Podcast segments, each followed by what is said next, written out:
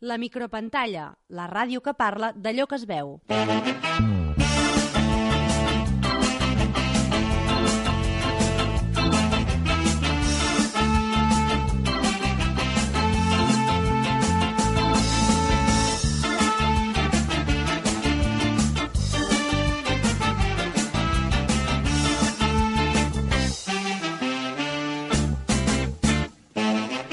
Què tal? Benvinguts a la micropantalla, el vostre programa radiofònic online sobre l'actualitat audiovisual. Un programa on repassem les novetats de la setmana sobre cinema, televisió i noves tecnologies. Recordeu que ens podeu escoltar quan vulgueu a web www.micropantalla.com i que podeu estar al dia si ens seguiu al Facebook i al Twitter, buscant-nos amb el nom Micropantalla. Participeu, compartiu i retuitegeu-nos. Durant aquesta Setmana Santa hem conegut que un estudiant de farmàcia de Sevilla, José María Rodríguez, està buscant el finançament necessari per tirar endavant un dispositiu per impedir que les persones èbries puguin conduir un cotxe. Es tractaria d'una palanca situada al comandament del vehicle i que obligaria el conductor a bufar abans d'arrencar. Si es dona positiu, el cotxe no engega. De moment, les asseguradores ho veuen amb bons ulls. El sistema sembla que pot funcionar perquè no implica que el disseny dels vehicles s'hagi de modificar. Aquest era un dels principals problemes. La indústria automobilística no vol afegir cap canvi en el disseny dels elevats costos que suposen aquestes modificacions. Per tant, ha hagut d'aparèixer un jove estudiant que amb un sistema que l'usuari afegeix a posteriori es parli d'aquesta innovació que no pretén res més que salvar vides i complir amb la legalitat vigent. Sembla mentida que en ple segle XXI, amb tota la tecnologia disponible, no siguem capaços de tenir un aparell com aquest als nostres vehicles. La limitació de la velocitat és un aspecte que, si es vol, es pot incorporar amb certa facilitat, mantenint les variables que permet la legislació de cada país. Veure i córrer són dues de les causes més habituals en els accidents de trànsit. De veritat, la indústria automobilística no pot fer res més per reduir la sinistralitat? Dues empreses nord-americanes també treballen en dispositius similars, basats en controlar el nivell d'alcohol en sang a través de les empremtes digitals. Utilitzar la tecnologia per la comunicació i l'entreteniment està molt bé, però hem de canviar la prioritat i centrar els esforços econòmics i legals en millorar la seguretat vial i els recursos destinats a la sanitat en general. Benvinguts a la micropantalla. Des de l'estudis del Centre Villar, comencem. Enganxa't a la micropantalla, amb Roger Granel. La manie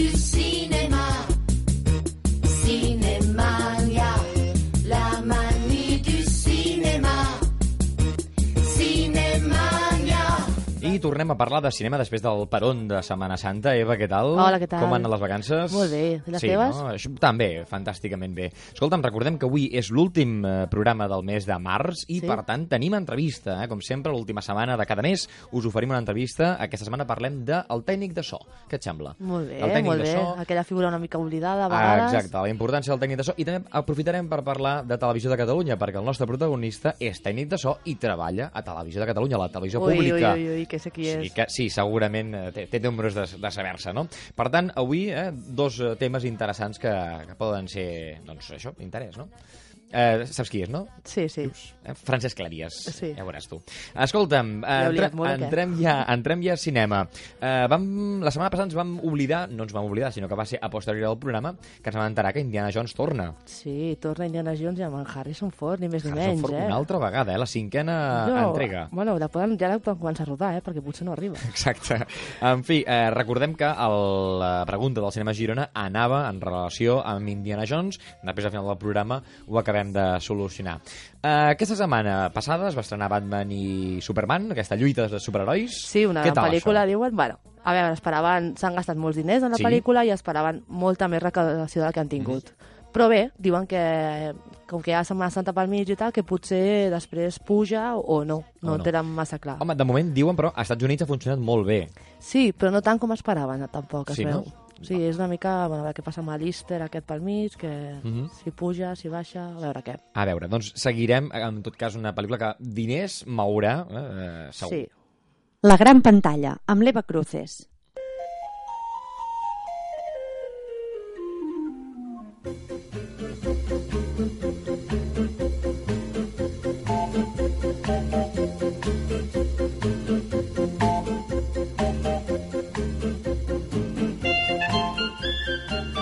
Una altra notícia d'aquesta setmana, Woody Allen. Woody Allen, sí, un altre que també, un veterano, eh?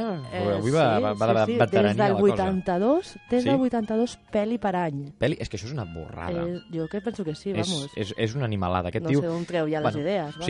hi, hipocondríac i a sobre malalt... Eh, Deu tenir algú que li faci guions, eh? perquè si no, no pot arribar tot. Una, una, una velocitat espectacular. Doncs Woody Allen torna a ser notícia, per què? Sí, perquè aquest any tornarà a obrir Canes fora concurs, Uh -huh. la 69a edició de Canes, doncs veurem Café Society, que és la nova de Woody Allen. De Woody Allen. I això passa per tercer cop, ja.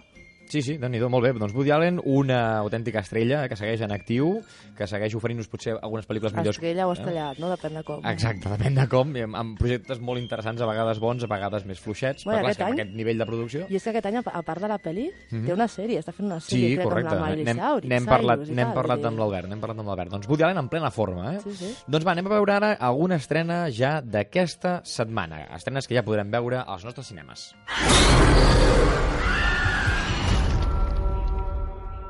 Todo empezó con la peste negra. En pocas semanas los muertos comenzaron a levantarse. No puede ser.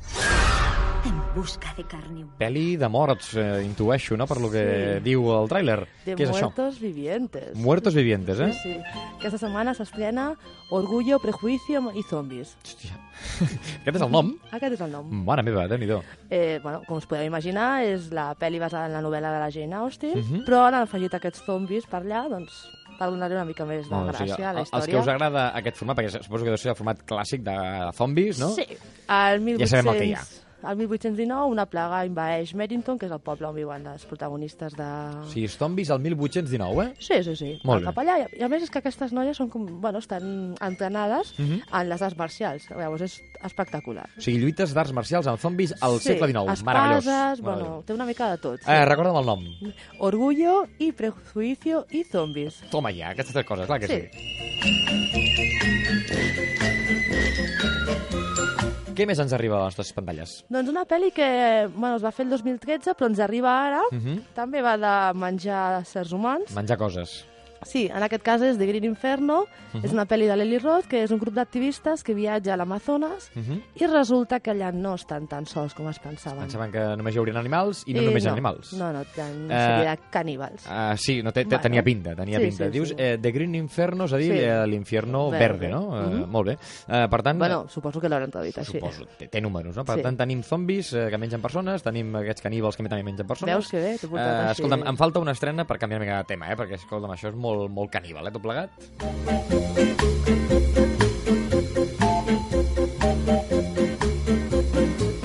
La tercera estrena que destaques, eh, La- més normaleta, no? Sí, sabia que m'ho diries, que sabia que tu això dels zombis i tal no et va gaire. A mi, bueno, no, tampoc no és que no em vagi. Uh, depèn de l'estil. Per exemple, Walking Dead m'agrada. Ah, Però depèn de quina pel·lícula, hòstia, si li fots eh, molta violència i jo ho poso molt malament. no, aquestes aquesta ha de ser, l'orgullo i prejuicio ha de ser curiosa, Vale. sí. Doncs, a veure, sortim del tema zombis i del Sortim tema zombis, caníbals. Anem a Hitchcock i Truffaut. Aquests dos clàssics eh, del Sí. cinema. Doncs estrenen un documental Mm -hmm.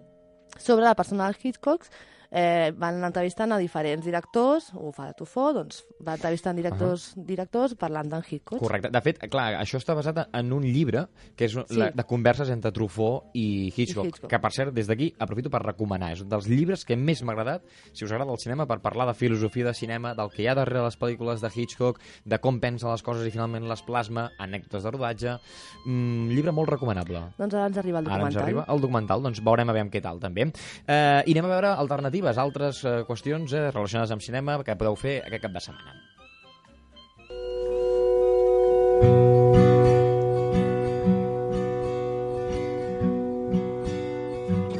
Un parell de propostes, Eva. Un parell de propostes. Doncs demà divendres s'estrena de forma simultània, que és la curiositat, Uh -huh. eh, Qui en K, és una pel·lícula índia, s'estrena a la Índia i a Cinema Girona. Simultanietat, per tant, de cinema Girona i la Índia, eh? Sí, Connexió sí. directa, fantàstic. Qui en K.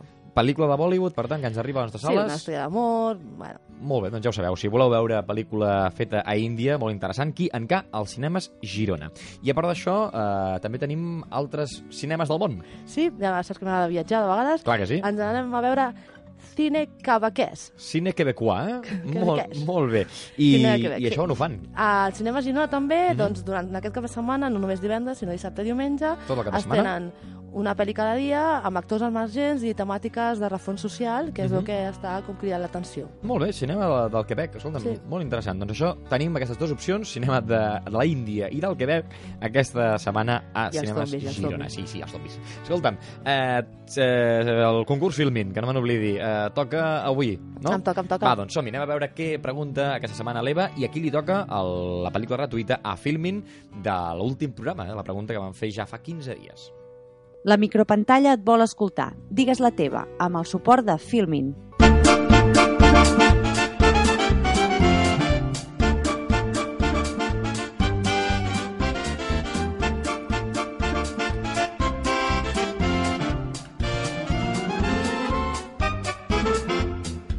En l'últim programa us preguntàvem quin era el vostre videojoc preferit de la infància, el videojoc preferit de la infància. I hem tingut dues respostes. Manza Norris ens respon Pokémon Plata i la Cristina Martí ens respon Tetris i Galaxian. Molt bé, doncs dos videojocs que amb ells els hi han agradat. Això que ens preguntava el Rubén en l'últim programa. Per tant, tenim dues respostes. Que ara ho creu. Eh, això ho tenim gravant, Eva. Sí, està gravant? Aquí tenim una cara de l'antic monarca espanyol, eh, Juan Mhm. Carlos, i el U. Llavors tenim, per tant, la cara per Manzanorris i la creu per eh, la Cristina Martí. Eh, anem a llançar-la, a veure què passa. Eh, això ho tenim en marxa i aquesta és la persona que guanya el, la pel·lícula gratuïta a Filmin d'aquesta setmana. Com sempre, per saber-ho, podeu eh, visitar-nos al nostre canal de YouTube. I anem a veure l'Eva què ens pregunta aquesta setmana. Thank you.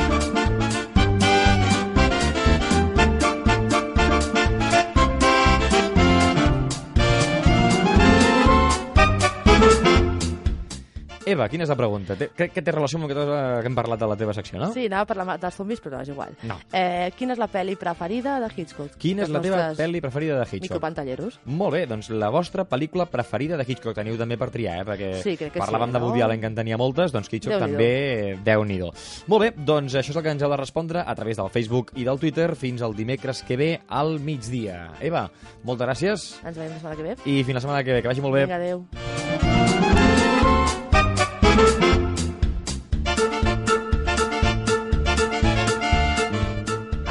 Directors, festivals, curiositats i l'Eva Cruces. Tot ho trobaràs a la gran pantalla. Yo nunca vi televisión porque es muy fome. Yo prefería estudiar y hasta leer. Pero mi padre, que es un loco y vende teles.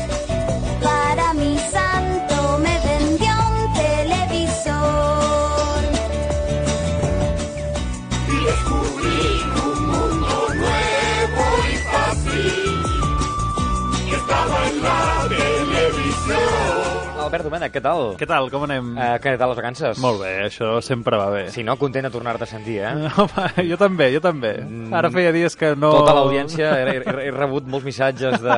que trobaven a faltar, que la setmana passada sense el programa estaven orfes, no? clar, home. Jo he estat mirant sèries tota la Setmana Santa, vull dir que espero que l'audiència no? també hagi fet el al dia. mateix. Doncs, a veure, posa'ns eh, al dia. Eh, per què comencem parlant? Uh, parlarem de tele, perquè hi ha diverses notícies de tele referents a Està bé, perquè canals... les de tele, si no, parlessis però de... em prefereixo si que... parles de, de, tecnologia, doncs el Rubén es quedaria orfe, Ja no? saps que a vegades passo directament a les sèries, evito una mica la graella televisiva, però avui hi ha notícies algunes de cadenes notícies, de, de En què quedem, interessants. En, en què quedem, Albert? En què quedem? A veure, per què comencem? Comencem per TV3, que la millor sèrie de la història dels últims eh, 8 anys, com sabeu, és La Riera. La Riera de TV3, aquesta sèrie de sobretaula, diguem-ne.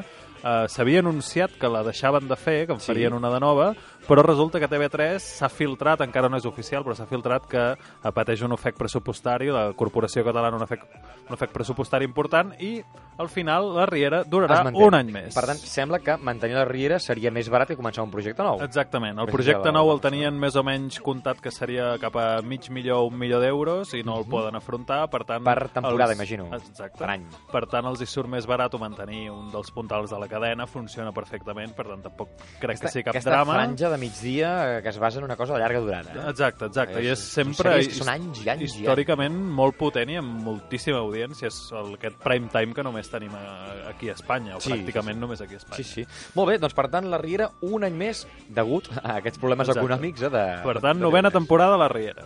La petita pantalla, amb Albert Domènech.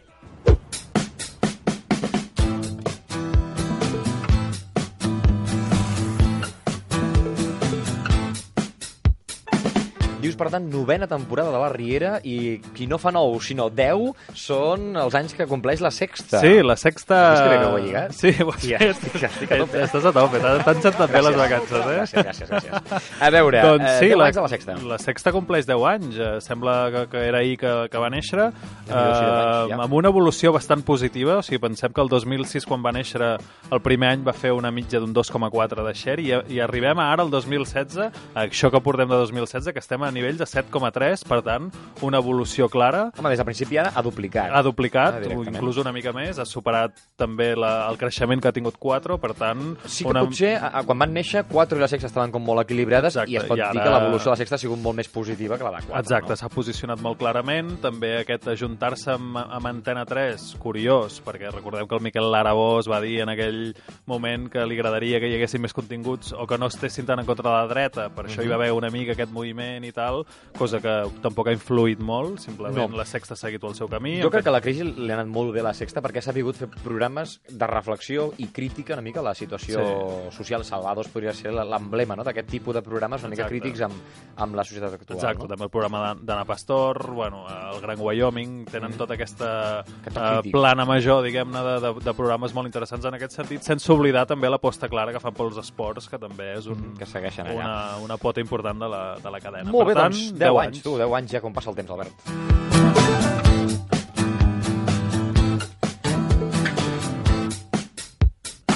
I d'una que funciona cada dia millor, com és la sexta, a una que potser no li van tan bé les coses, 8TV. Sí, 8TV, que ara mateix és, és, és un drama. Uh, Sí, és un, és un drama, eh? un drama total. Directament. Uh, Diguem-ne que el model d'èxit de ràdio no l'han sabut portar a 8TV. Uh, Mhm. el Trencadís, aquest programa de la Sandra Berneda, que semblava que havia de ser una altra insígnia de la cadena, uh, s'acaba de... de... S'ha cancel·lat, no? Sí, s'ha cancel·lat. Aquesta nova aposta de l'Alfons Arús amb aquesta tertúlia televisiva que vam comentar fa uns programes eh, també No arrenca. no Així com arrenca. Arusiti sí que es manté més sí, o menys bé. Es, ens quedem, el com el sempre, no. Cuní i Arusiti. Serà les, les, Calli, calli, calli, calli. les úniques coses que es mantenen en, en antena i la crisi ha arribat a tal punt que fins i tot el director ha, ha dimitit. Ha per tant, crisi absoluta a 8TV, a veure, a veure com, com evolucionen les coses. Doncs sí, ho veurem, ho veurem. Doncs escolta'm, aquest és el panorama televisiu actual i ara anem a veure sèries internacionals. La ràdio en sèrie, amb l'Albert Domènech.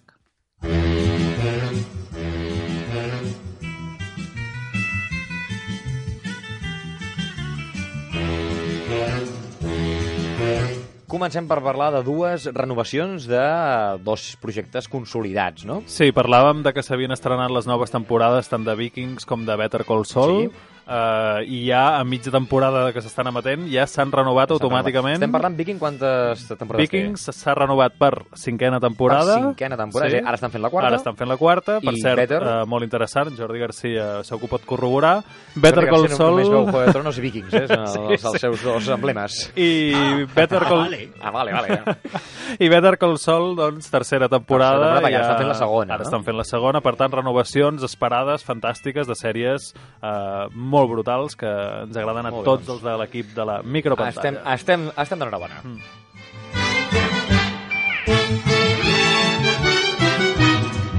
I ens volies presentar una altra sèrie? Sí, que a mi volia parlar- aquesta, M'ha deixat una mica sor- sorprès. Sí, més que res perquè sabeu que hi ha moltes estrenes, estem enmig, com hem dit, Better Call Saul, Vikings, uh, Happy Valley, House of Cards, ara tenim una de sèries brutals per veure, I de però sèries segur... potents, potents, Exacte. Segur que n'hi ha molts que aquesta Setmana Santa us les heu menjat totes, per tant, ara Sí, què? sí, sí. Què fem per esperar Game of Thrones? Us recomano eh? Guerra i Pau. Res, ja tres setmanes. Bueno, però els hàbits de sèries ja saps que això... Guerra i Pau, una sèrie de la BBC, lògicament eh, basada en la novel·la de Leon to Tolstoy, Tolstoy. Guerra i Pau. Uh Mhm. eh, molt interessant, una gran superproducció, família, entramat d'una família Sant Petersburg, Rússia, a veure, banyes, amores, odios, aquest rotllo, una mica culebrón, però és una supergrandíssima producció que està molt ben feta. El típic cule- culebron, però molt ben ambientat, Exacte, imagino. molt no? ben ambientat, amb un pressupost altíssim, una grandíssima producció a la BBC, està... Sí, aquestes sèries històriques, a vegades, ostres, només que sigui per el vestuari, per Sí, la, la, la pena. posada ja. en escena, són Valen la pena. espectaculars. No? Aquesta va una mica per aquí, a veure, no és tan potent com les que podeu veure actualment, és a dir, si heu de triar entre House of Cards i Guerra i Pau, eh, Bueno, triar, sí, i mireu primer imagino que és una altra història. Vikings, però aquesta, si heu vist tot això que ara està en, en, carte, en cartellera, diguem-ne d'alguna manera, doncs Mhm. és una bona recomanació. Molt bé, Albert, fantàstic. Doncs va, anem al diccionari d'aquesta setmana.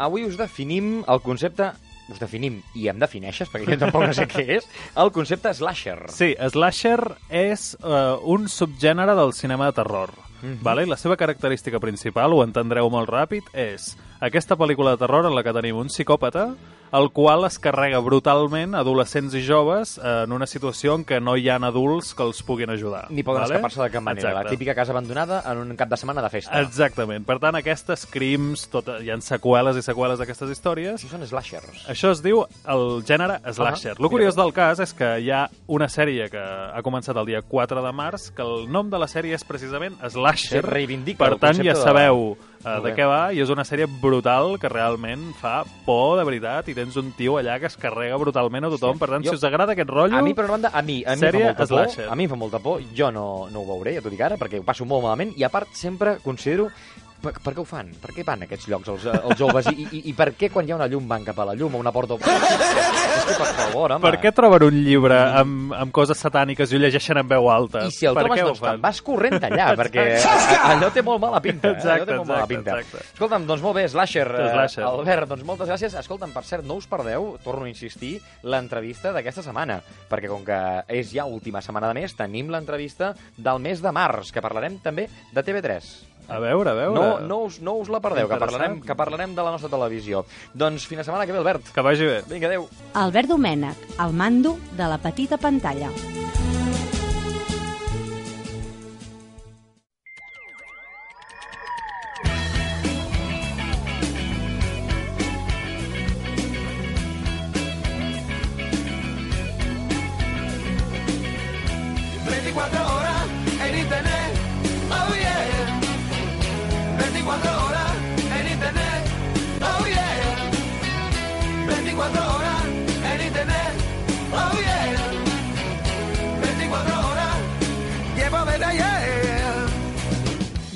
Saludar a Rubén Ventura, el nostre enviat especial al Japó, Sí, eh, durant sí. aquesta Setmana Santa, eh? Sí, he anat bueno, a, a donar una volta. A donar una volta, a veure què, què, A veure què veia. què trobaves, no? Ambientillo, sí, sí. Has trobat moltes coses, eh, moltes novetats, canvis respecte Bueno, es- està tot igual, eh, Sí, no? però alguna coseta, però no molt a destacar. Eh, o sigui, bueno, que el cafè... Mare- meravellós el resum. Bueno, que està tot igual.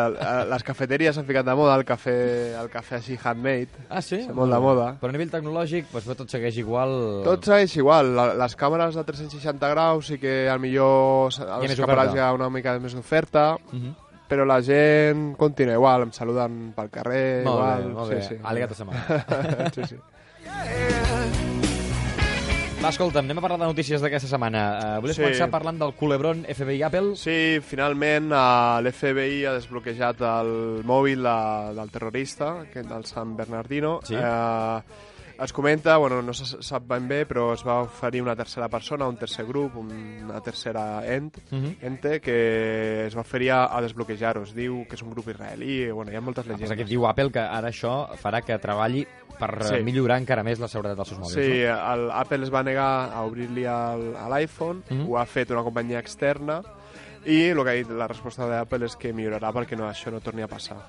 Molt bé, doncs així sembla que és el final del culebrón FBI Apple, Sembla, que sembla. en qualsevol cas a Apple li ha anat bé per parlar de la seguretat, no? Sí, bé i malament, perquè en principi també han trobat un forat en, Mhm. en la seva seguretat, o sigui que, bueno, a veure si ho aconsegueixen tapar, o és un debat en, en veritat més gran de la privacitat, de, bueno, que tenim als mòbils, la seguretat, Mhm.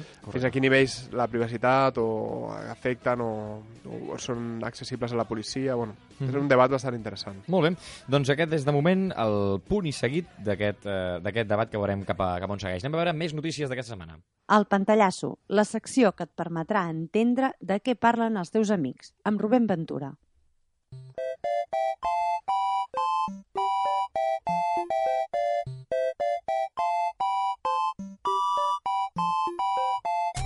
Vinga, en format breu parlem de la PlayStation una altra vegada. Què li passa? PlayStation hi ha molts rumors molt forts de que volen treure una versió que pugui reescalar els jocs a 4K o que pugui funcionar, o sigui, una miqueta més Seria una versió de la Play 4? Una versió de la Play 4, Mhm. però a més que estaria més preparada per la realitat virtual també. Mhm. Llavors, bueno, es parla d'aquest, que és una mica estrany perquè mai ha passat que una mateixa consola tregui una segona millorada. Una segona versió. A veure com, com queda això, no... és una mica estrany. Ja Mhm. et dic que al millor canvien els cicles de les consoles o alguna Rumors, així. rumors, home, eh, la 4K, clar, doni, Sí. hauries de, tenir també una televisió 4K. Sí, sí, so, té. sobretot de la 4K i de la, virtu la realitat virtual, que pogués suportar ben bé sense problemes la realitat virtual. Mhm, molt bé. Eh, parlant d'innovacions tecnològiques, mm, volies parlar d'una cullera.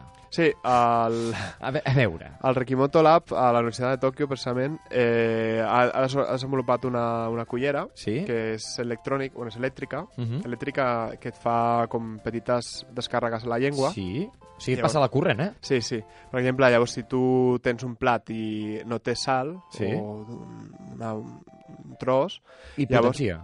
Bueno, li fica, eh, estimula les parts de la llengua que farien, serien la part des, que detecta lo salat i... Eh, Per, per tant, només seria pel salat. Salat i amargo. Salat... Ah, vale, és a dir, Sí, sí. no, no reproduiria el sabor d'uns macarrons. No, no, no, no. Ficaria una miqueta més com de sal o la sensació de Un més salat. potenciador, hòstia, Sí. eh, mare meva, o sigui, al final de la, dels cetrilleros, eh? Sí, sí, sí, sí, sí, sí. Eh, molt bé, una cullera per... per no, Simular aquest per, sabor, simular. sí. per això es comercialitza ja? O Sí, no, no, està en desenvolupament i tenia un cost de desenvolupament molt baix, de 18 euros. Sigui, de 8 dòlars.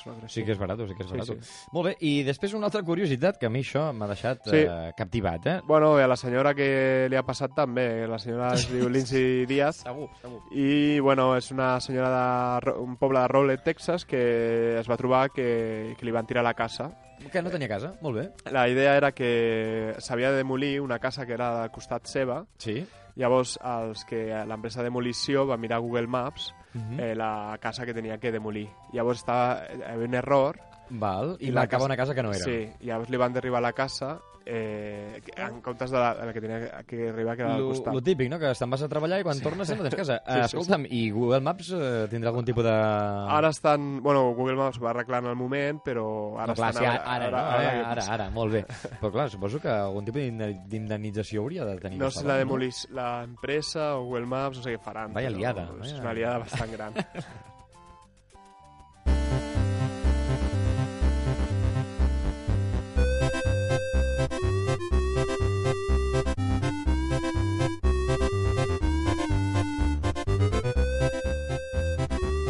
Em volies parlar també, Rubén, d'un mòbil eh, low cost total. Sí, el Freedom 251, Mhm. que diuen que és el, bar el més barat del món, amb unes especifica especificacions bastant bones, un 4 pulgades, quad-core, amb, amb set, eh, no sé si un 7 o de- o 8 gigas de RAM, no, 16 eh, de RAM. Home, déu nhi No, és, és molt, perdó. No, és una 1,6, perdó, Ah, 1,6. 1,6 de RAM, val. 8 gigas d'emmagatzemament, eh, amb càmera, tot això, eh, per 4 dòlars. 4 dòlars, però això és, eh, com, com pot ser? Pues, de fet, és el que es va preguntar la, al govern de la Índia i estan investigant com és que és tan barat, això. Mhm. Llavors, bueno, suposo que a millor rosa els límits de la il·legalitat, tant de Mhm. la mano d'obra com els productes o tal. Hi ha alguna història aquí que, que no, Mare no està meva. bé. I això quina marca és? Ah, es diu Freedom, Freedom 251, sí. Molt bé, doncs eh, que sapigueu que si veieu aquest mòbil a algun lloc, Sí, és molt raro. sospiteu que valgui tan poc, 4 euros, ai, 4 dòlars, que això és... En fi. Eh, molt bé, Rubén, eh, doncs aquí tenim aquesta aportació eh, a la salut pública, gràcies. Eh, anem ara a veure Sí, què sí. ens defineix eh, el Rubén aquesta setmana. Name it, read it, tune it, print it, scan it, send it, fax, rename it, touch it, bring it, pay it, watch it, turn it, leave it, start, format it, buy it. Volies parlar-nos eh, aquesta setmana del RIP. Sí. I el això RIP- per què? A veure. Bueno, perquè justament ara bueno, la Star Wars Mhm. eh, sortirà en breu ja en Blu-ray i en DVD, doncs justament ja s'ha filtrat la còpia en Blu-ray per internet. És a dir, clar, Star Wars la teníem al cine fins... Eh, o al Sí, encara està. encara la podem veure, Sí. i ja està a punt de sortir en DVD Blu-ray. Sí, sí. Però per internet Ja tenim ja la filtrat. còpia aquesta del DVD. S'ha No? filtrat, que en veritat és una, és una filtració il·legal. Sí, això ho hem vist tots alguna vegada, no? La còpia DVD RIP. Sí, No? sí. I això del RIP què vol dir? El RIP RIP, eh, bueno, senyala que pot ser un RIP, pot ser legal o il·legal, depèn del que facis. Si fas una còpia d'un producte teu, d'un DVD teu, pues és legal. Però És dir, si... el RIP per si mateix no és il·legal. No, eh, no és legal i il·legal, és depèn de, de lo que li facis servei. Mhm. Si tu te, compres una còpia teva i et fas un RIP, fas una còpia, pues, bueno, tampoc és perquè t'has comprat ja per aquell... És per. Molt bé, i, i, i, però què és, què és el RIP? Hi ha diferents nivells, en veritat. El ripage, que es diu, que seria, seria agafar eh, un vídeo, bueno, un DVD, un Blu-ray, Mhm. i canviar la qualitat i eh, bueno, generar un altre arxiu més petit o més manejable, el que sigui, es pot distribuir o no. Correcte, però nosaltres quan agafem un DVD tenim dos carpetes. Tenim el vídeo TS, eh, àudio TS. És una reconversió de... Pots reconvertir a, a un altre DVD Mhm. o a un arxiu de vídeo. Mhm. Llavors hi ha diferents... Eh, que a vegades la gent es lia, que és, per exemple, diu TS Screener Mhm. o DVD Screener. Mhm. pues TS Screener és algú que ha copiat, la, ha anat al cine i l'ha gravat amb la càmera. Correcte. Això és totalment il·legal. Mhm. El I a, DVD... part, I a part de baixa qualitat. Sí, a la de baixa qualitat. El DVD Screener és els típics DVDs que els hi donen als, als, als crítics de cine, per Sí. exemple, els que, han d'avaluar els Oscars, Correcte. en comptes de donar-li tíquets per, per anar Per al cine, cine. els cinema els DVD, que ja tenen com marcats i tal, llavors a vegades es filtra aquests DVDs. Perquè algú que l'ha rebut, DVD. doncs el, el, Sí, el la- posa a internet. Sí. O li passa a algú. Un Blu-ray RIP o un DVD RIP seria agafar un Blu-ray o un DVD i agafar i, i generar un arxiu nou d'aquest d'aquest eh, DVD o Blu-ray. Hi hauria alguna diferència amb l'anterior? Sí, perquè el DVD Screener no és una... L'origen no és una còpia comercial. Mhm. És una còpia que està sols Interna, és privada per per, entendre'ns. per avaluar. I en canvi el DVD RIP sí que és d'alguna cosa pública. Sí, segurament ja estaria al mercat. Mhm. I per últim estaria el web RIP, que el que es fa és si hi ha algun servei tipus Netflix o Filmin o YouTube o el que sigui, pues, s'agafa aquest arxiu i, i es fa un arxiu. Vaja. En, Mhm. en comptes d'estar en streaming... Eh, Una còpia d'alguna cosa que està penjada a Sí, internet. això seria web RIP. Déu-n'hi-do, doncs quatre opcions eh, de, de RIPs que estem Mm. parlant d'agafar un arxiu eh, existent i, i reconvertir-lo. Reconvertir-lo, No? sí. Molt bé, fantàstic. Doncs aquesta és l'explicació d'aquesta setmana del Rubén. I acabem amb un consell per acabar la secció d'aquesta setmana.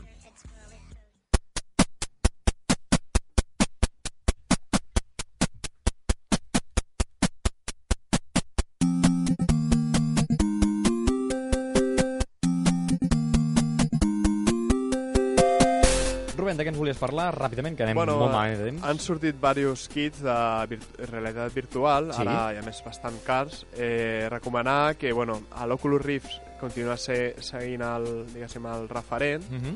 eh, seria un, un bon eh, kit eh, de realitat virtual per escollir.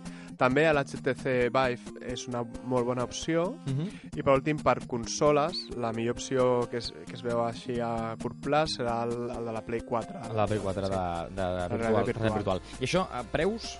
Preus estan bastant cars, estan de, ara no sé, així de memòria, però l'Oculus està a partir de 800, 1.000, una, una cosa així. és bastant Déu-n'hi-do, car. eh? Més, le- més l'equip que De necessitis. moment, aquests kits de realitat virtual cars. són carillos, eh? Sí, molt sí, bé, sí. doncs ja sabeu que aquestes són les marques més recomanables eh, de, de, de kits de realitat virtual. Sí. Doncs molt bé, Rubén, escolta'm, la setmana que ve hi tornem. Més i millor. I no et perdis ara l'entrevista amb el Francesc Clèries, eh? Que això... Crac. Escolta'm, avui, avui val la pena. Sí, sí, sí. Vinga, que vagi bé, Rubén. Vinga, avisarà. El pantallasso, on el futur es fa present, amb Rubén Ventura. Te borro del Facebook, te borro del Facebook, nay no, nay no, na. Me atosigas con tus comentarios, tus besos virtuales y tu foto del día, te borro del Facebook. Vinga, anem ara al Cinema Girona, el concurs que cada setmana us eh, permet tenir dues entrades gratuïtes per anar al cinema. L'últim programa us preguntàvem, eh, el que ens, ens us demanàvem, algun país on Indiana Jones havia visitat eh, en les seves quatre anteriors pel·lícules. Hem tingut dues respostes. Cristina Martí, que ens diu Egipte i Turquia, correcte, i Marco Ventura, que ens respon Jordània. Per tant, dues respostes, cara i creu. Cara, eh, espera un moment, que anem a buscar una moneda que tingui cara, que abans la teníem, aquí està. Aquí tenim la cara per la Cristina Martí i la creu pel Marco Ventura, que és aquest número 1. Anem a llançar-lo a l'aire i a veure a qui li toca. Doncs aquesta és la persona que guanya eh, les dues entrades pels Cinema Girona. Com ja sabeu, si voleu saber-ho, visiteu el nostre canal de YouTube. I ara anem a veure quina és la nova pregunta per aquesta propera setmana. Cinema Girona patrocina la pregunta de la setmana.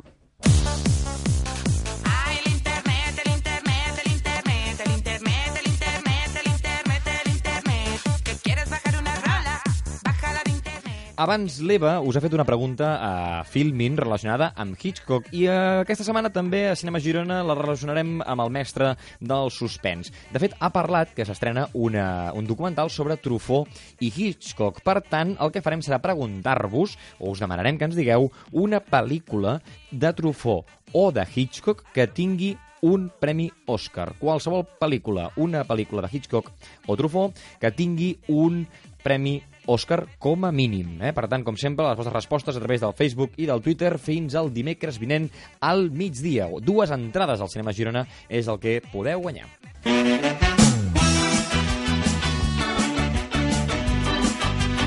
I nosaltres ho deixem aquí, com sempre, gràcies a tots, al Jordi Garcia, al Rubén, a l'Eva i a l'Albert. I ara no us perdeu l'entrevista amb Francesc Clèries. Parlarem del tècnic de so i de televisió de Catalunya. Com sempre, al final de mes, una entrevista per a vosaltres. Que vagi bé i enganxeu-vos a la micropantalla. La micropantalla, la ràdio que parla d'allò que es veu. Doncs avui tenim a la micropantalla el Francesc Clèries i amb ell parlarem avui del món del tècnic de so, que moltes vegades queda una mica oblidat, no?, el, el, el so en, en l'audiovisual i és una de les peces fonamentals. Eh, Francesc, benvingut a la micropantalla. Moltes gràcies per convidar-me. Què tal, com estàs? Bé, molt bé. Com vas començar tu la relació amb el, amb el món del so? Doncs podem dir que des de petitet, Mhm. perquè vaig començar a tocar com tothom en grupillos així de música mal feta però molt divertida, no? Mhm. I clar, ens sonoritzàvem nosaltres els concerts, els assajos i inclús alguna gravació de maquetes fèiem nosaltres. Mhm. I a partir d'aquí, bueno, doncs es va veure que m'agradava el tema. Que t'interessava, no? M'interessava l'àudio i, bueno, també els estudis que vaig fer després també... Què, què vas estudiar? Són enginyeria d'imatge i so. Telecos, Mhm. d'imatge i so, i després electrònica d'imatge i so. Per tant, sempre- I jo sempre cap al so. I per la tant- imatge... I, sem I sempre, per tant, relacionat amb, amb, el, amb el tema de l'àudio. Sí, el tema, No? a, El- a, el a tema de part, mon pare, mon pare també tota la vida ha sigut del tema d'àudio i això. Mhm. Però en un principi musical. El que et tirava més era el tema de música, sí, no? clar, clar, clar. Mhm. sí, sí, I- sí. El so eh, va ser... Vaig descobrir després que m'agradava el so, per, però principalment era la música al principi. Mhm. El tècnic de so acostuma a estar poc valorat en el si de, de l'audiovisual, perquè moltes vegades és com l'últim mono, no? Sí, bueno, en directes i en maquetes i això, no? Mhm. Bueno, podem dir tècnic, ara li diuen productor, li diuen enginyer... Mhm. A cada lloc li diuen diferent, de fet. Però sí que és veritat que hi ha vegades que estem una mica me- menys tinguts. So, sobretot, Però... potser això que et deien, l'audiovisual, a l'hora de, per exemple, gravar algun curtmetratge, que és com que, el- com que l'àudio no, la gent no... Sí, depèn no de amb qui et trobis, no? Amb quin Mhm. realitzador treballis i amb qui... Perquè hi ha gent que ho cuida molt, a la, a la, al mateix, a la tele mateix hi ha realitzadors que ho cuiden molt i Mhm. realitzadors que passen Mhm. i tiren milles i bueno, ja t'ho faràs. I que et matxaquen, estàs gravant i, et matxa, i comencen a parlar enmig de la gravació, dius, escolta'm, tu, tu vols que surti bé això? Pues, tio, calla, no? Potser la gent no en sap prou. És a dir, de, de, del tema de l'àudio, que, com que bueno, no... és en, en, entre que no en sap i que no ho valoren. Mhm. És un, una miqueta un compromís. Però després, si surt malament, és el primer Home, que es nota. Eh? Clar, no, no, és tot pospo. Això s'arregla pospo. Sí, de no? pospo ja ho arregla. Els de pospo després a vegades diuen com vols que t'ho arregli això? Que, no, hi, ha cos... hi ha programes i plugins i, i, i, bueno, i processadors que et permeten arreglar l'àudio, però clar, no et permeten fer impossibles. Mm -hmm. Perquè tu l'àudio l'has eh, l'has tingut, l'has tocat, parlàvem de la, de la part eh, musical, però també has treballat en curtmetratges, has treballat també en Sí. documentals i has treballat també en programes en directe. Sí. No? Eh, què és el que a tu t'agrada més? Doncs a mi el que m'agrada més ara mateix és, eh, que és el que més, més faig, és rodatges. El so directe m'agrada molt. Mhm. anar al, al, al, al merder del rodatge i anar allà, vinga, a veure com puc agafar aquest àudio i com puc fer, com sonarà aquí aquesta sala, com sona, quin soroll tinc aquí... No sé, m'agrada molt. Perquè a nivell I tec- pensant després també en el muntatge i com Mhm. puc quedar... Eh? A nivell, a nivell tècnic, què fa falta per, eh, avui en dia per gravar alguna cosa d'àudio en, un, en un rodatge, per exemple? El mínim, el, el mínim d'equipament. Al mínim un micròfon de semicanó que et permeti dirigir bé Mhm. I una gravadora que tots té, tothom té una gravadora ara mateix. Mhm. una Zoom d'aquests estaríem H4. parlant d'un- d'una Zoom, no? Sí, una Zoom Mhm. H4 o una Tascam, n'hi ha de Tascam també. I, i, de pre. I de preus com està això? Però és el mínim, però ho fan servir també a, en, en professionals. com a ho fan màxims, no? Sí. Hi ha, hi ha gent que treballa amb això. I- I, i- pots obtenir una qualitat bona. I a nivell de preus que per on es mou, més o menys? perquè sigui una qualitat Aquest acceptable. Micròfon, Aquest- perxa, Zeppelin... Clar. A, a, ni- a nivell de, bueno, de microfonia. Si parlem del Rode, bueno, hi ha uns micròfons que són, que són el Rode, que són, tenim el NTG2, Mhm. que estan baratos, estan d'oferta i crec que són 180 euros o Mhm. així. Ara, mm, jo mm, menys d'un 416, que és el, el que... És que el micròfon estàndard, podríem dir, de gravació en rodatges, Mhm. En exteriors, en, en interiors també inclús, seria el, el Sennheiser 4, eh, el 416. Mhm. MK, MKH 416. I això- és un micròfon que el coneixes molt i que té, et dona bastant de presència i brillo de les veus. Per captar veus és, és un estàndard. Mhm. Aquest ja val, pica més, aquests són 900 euros o així. Mhm, ja se'n se'n va entorn dels 1.000, no? Clar.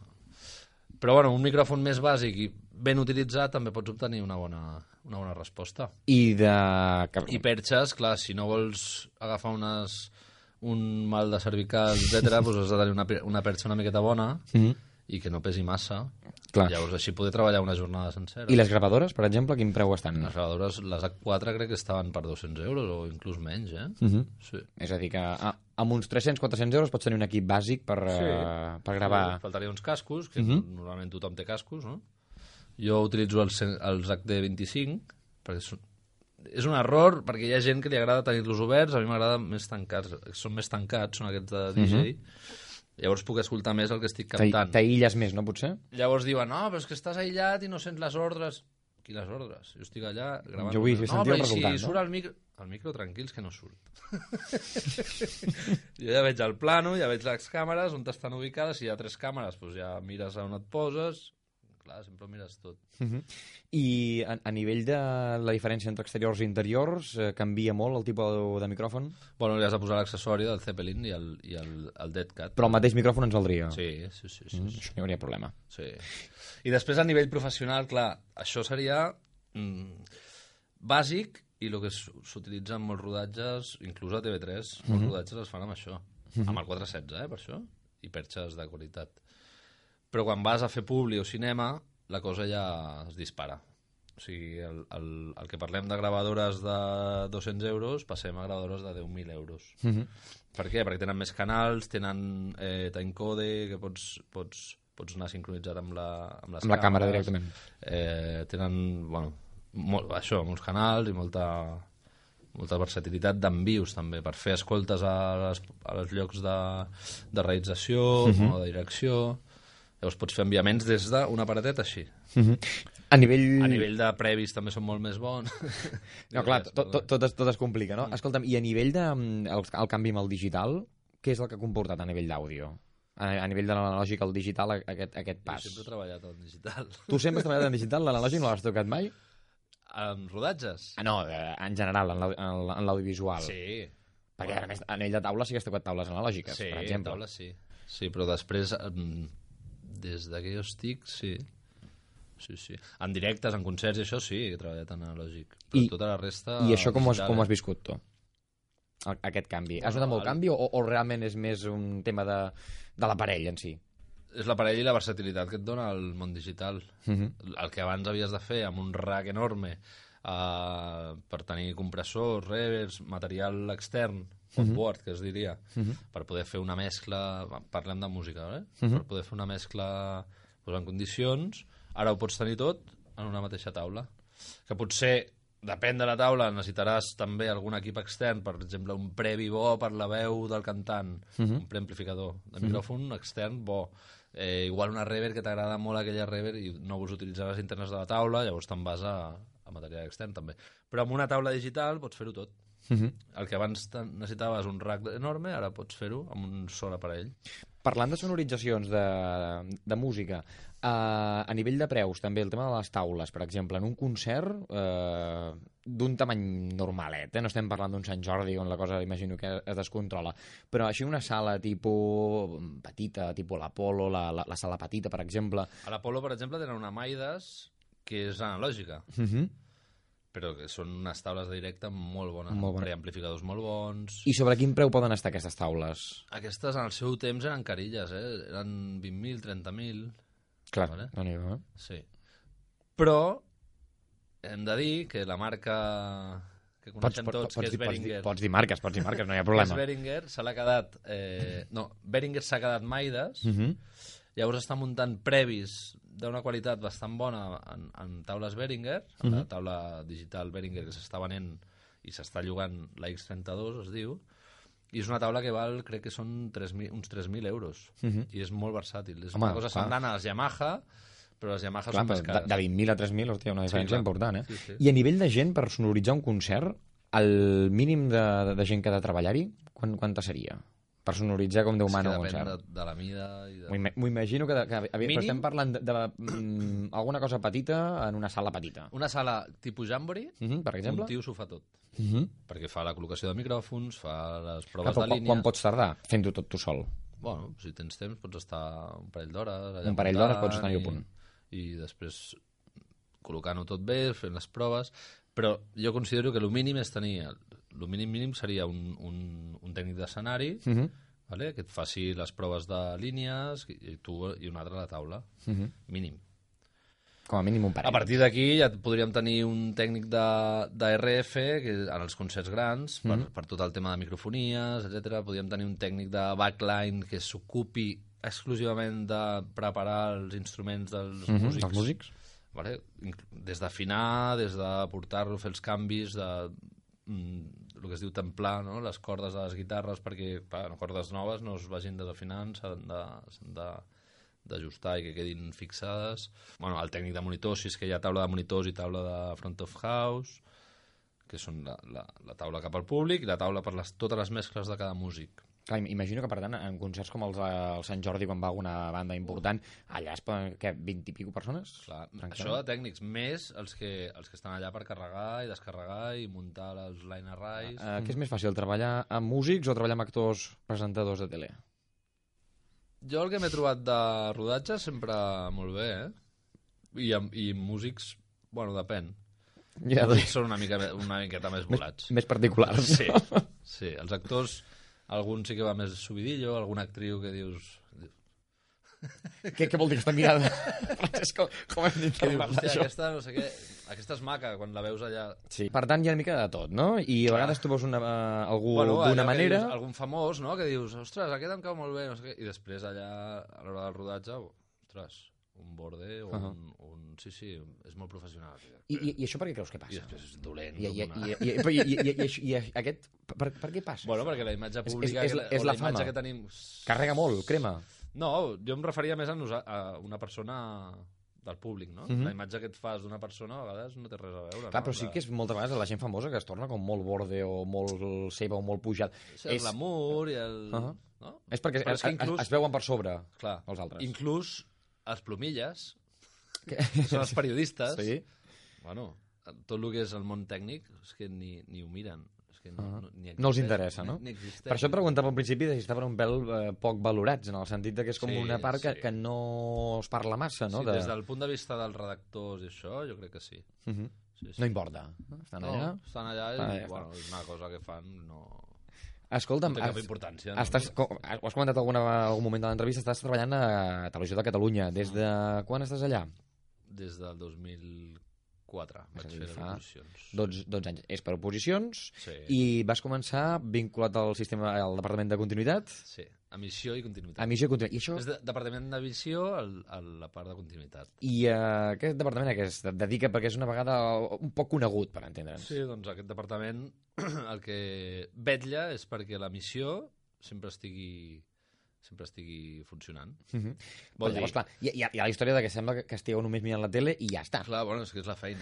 O sigui, Però hi ha mentre no passi res... Però exacte, però hi ha problemes, no? Clar, hi ha problemes de que s'enganxa un, un... Al principi era amb cinta. Mhm. Quan vaig entrar encara anàvem amb els Betacams SP i Betacams, Betacams digitals. Homàtic ja no. Homàtic hi havia Ja. algun por ahí, però... I clar, hi, hi havia un robot, allà, un robot on hi havia tot, com una estanteria, on hi havia totes les cintes de l'emissió d'aquell dia, Mhm. i anava agafant la cinta, la posava en BTR, reproduïa el programa des del timecode in a timecode out, agafava una altra cinta, clar, era un robot, s'enganxava, Mhm. patava, patava el, el Betacam, patava el... Bueno, passaven coses. Què ha passat? Que amb la digitalització, Mhm. això sí que ho vaig viure a progressiu, la digitalització de la tele. Uh, tot, aquests, tot això que eren cintes s'ha anat convertint en, en, en arxius. Mhm. Això, per tant, arxius di digitals. ha facilitat la teva feina? La tècnica Ah, de continuïtat. de continuïtat. En principi sí, però mm, va sent tot... Eh, és a dir, eh, clar, tu allà abans veies un robot i veies on estava el, el vídeo, no, diguéssim. Ara no saps on és res. O sigui, ara potser a l'hora de local, si localitzar les problema, coses és, és el clar, problema, no? Si hi ha un problema, el que es fa és prescindir. Abans, si hi havia un problema, agafaves i aquella cinta la posaves a una altra BTR Intentava solucionar-lo, vaja. i ja està, i l'emissió d'aquella- d'aquell contingut es feia. Ara, si hi ha un problema, sempre hi ha redundàncies, però si aquelles redundàncies, per el que sigui, imagina que falla la, la xarxa, Mhm. falla el, el, jo què sé, les adreces IP es tornen boges, Mhm. perquè tot va amb, amb IP. Mhm. Diu, aquest, aquest reproductor té aquesta IP, aquest altre aquesta altra IP. Imagina que es torna tot boig. No pots trobar-lo No. directament. Perquè això, això és el que t'anava a És preguntar. a dir, el, els, els, els operadors, Mhm. que és el que feia jo, operador de continuïtat, eh, estem una miqueta venuts ja. No, no, està, ara sou subordinats a la tecnologia, Clar, no? La informació està en quatre, en quatre caps, podríem dir, Mhm. I l'operador està una miqueta... Només pot fer passo d'aquí a la reserva. Mhm. La reserva, el de que va per fibra, que és una altra reserva. I si falla tot això, doncs ja... Perquè això és el que t'anava a comentar. L'enviament de senyal dins de la televisió, com es realitza? Perquè una cosa és que tu rebis el senyal per satèl·lit de- d'algun lloc, però un cop tu tens tota la informació preparada a la televisió, a l'hora doncs, de- d'intercanviar-la, és tot per internet? O... Vols dir? Dic, di, Eh, dins... Per exemple, entre muntatge de vídeo i post d'àudio? Per exemple, per exemple. Tot és a través de xarxa. Tot és a través de Hi ha xarxa, Una, no? uns armaris, unes sales de disc durs, Mhm. llavors, en funció de quina, quin usuari tinguis, en quina sala estiguis, doncs Mhm. pots accedir al vídeo aquell de, el vídeo aquell muntat i el muntatge, de, el premuntatge de, de Pro Tools. És a dir, representa que tu des del teu ordinador podries arribar a un arxiu que s'ha estat muntant en una altra sala. Ah, això mateix. No? És a dir, que tot està interconnectat. Sí, el que passa que has d'estar en sala de post per poder fer això. Mhm. Clar, clar, però llavors és el que tu deies, que llavors si un moment la xarxa falla ja no tens accés al vídeo i tot es paralitza, no? Sí, sí.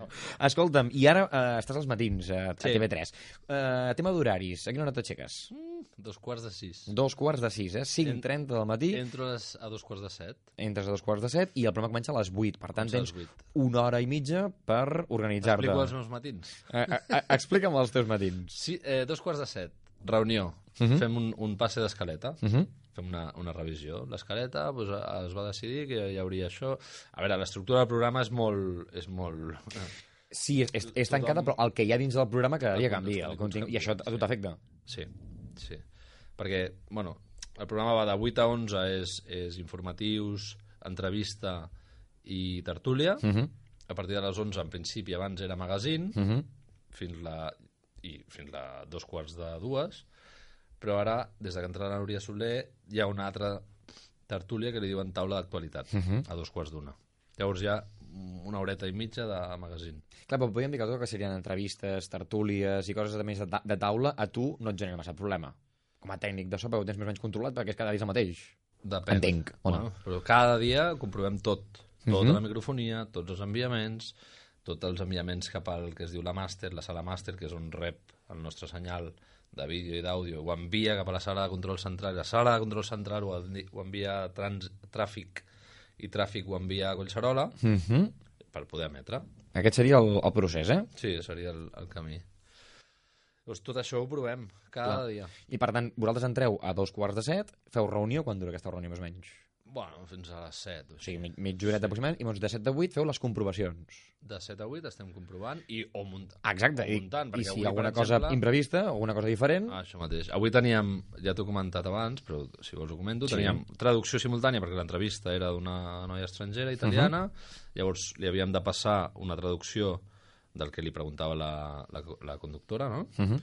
Una traducció per la seva orellera i a la conductora li havíem de passar el traductor també en català Mhm. per la seva orellera. Pues això és, sembla que no, sembla que sigui una tonteria, però és bastanta feina en quant a, a, a establir els nivells, els enviaments, si són prefader, postfader, eh, i quins enviaments, etc. Quants, quants canals té la taula amb la que treballeu? Uf. Un munt, no? Sí, té... Crec que són cur- 46 faders, però dintre d'allà hi ha... Subgrups i... Sí, històries, canals no? per un tub. No, no, no subgrups, sinó capes. Capes. Hi ha, no sé si hi ha... N'hi ha doncs, mínim n'hi ha 46 o 56 per 4. O sigui, estaríem Són parlant de que el, el, màxim que podries treballar seria a uns 200, Sí. 200 fonts, per Sí, entendre'ns. fonts.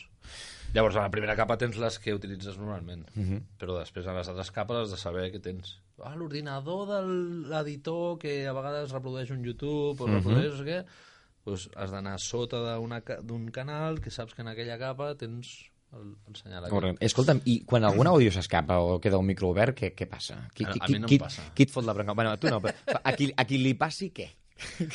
Hi ha algun tipus de crit? Eh... Home, bueno, tots cometem errors. Tots cometem errors. I, I aquest programa en el que estic ara és un programa que... O sigui, són 6 hores de directe. No, perquè hi ha moltes coses. Esteu a les 6 hores permanentment els Clar, mateixos, tècnics? Clar, sí, sí. Però és que més és els matins i espai terra. Mhm. eh? Som els mateixos. Per tant, estem parlant de... Entrem des de les 6 i mitja fins a les 2 de migdia, estem...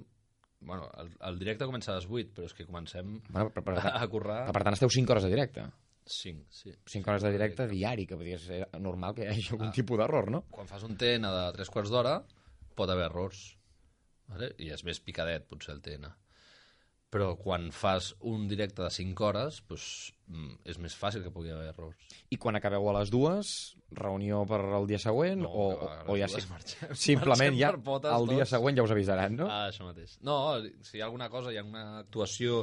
És el que et deia, avui hi ha hagut traducció, una connexió amb un altre plató que estaven gravant el Ja tu, ja tu faràs Mhm.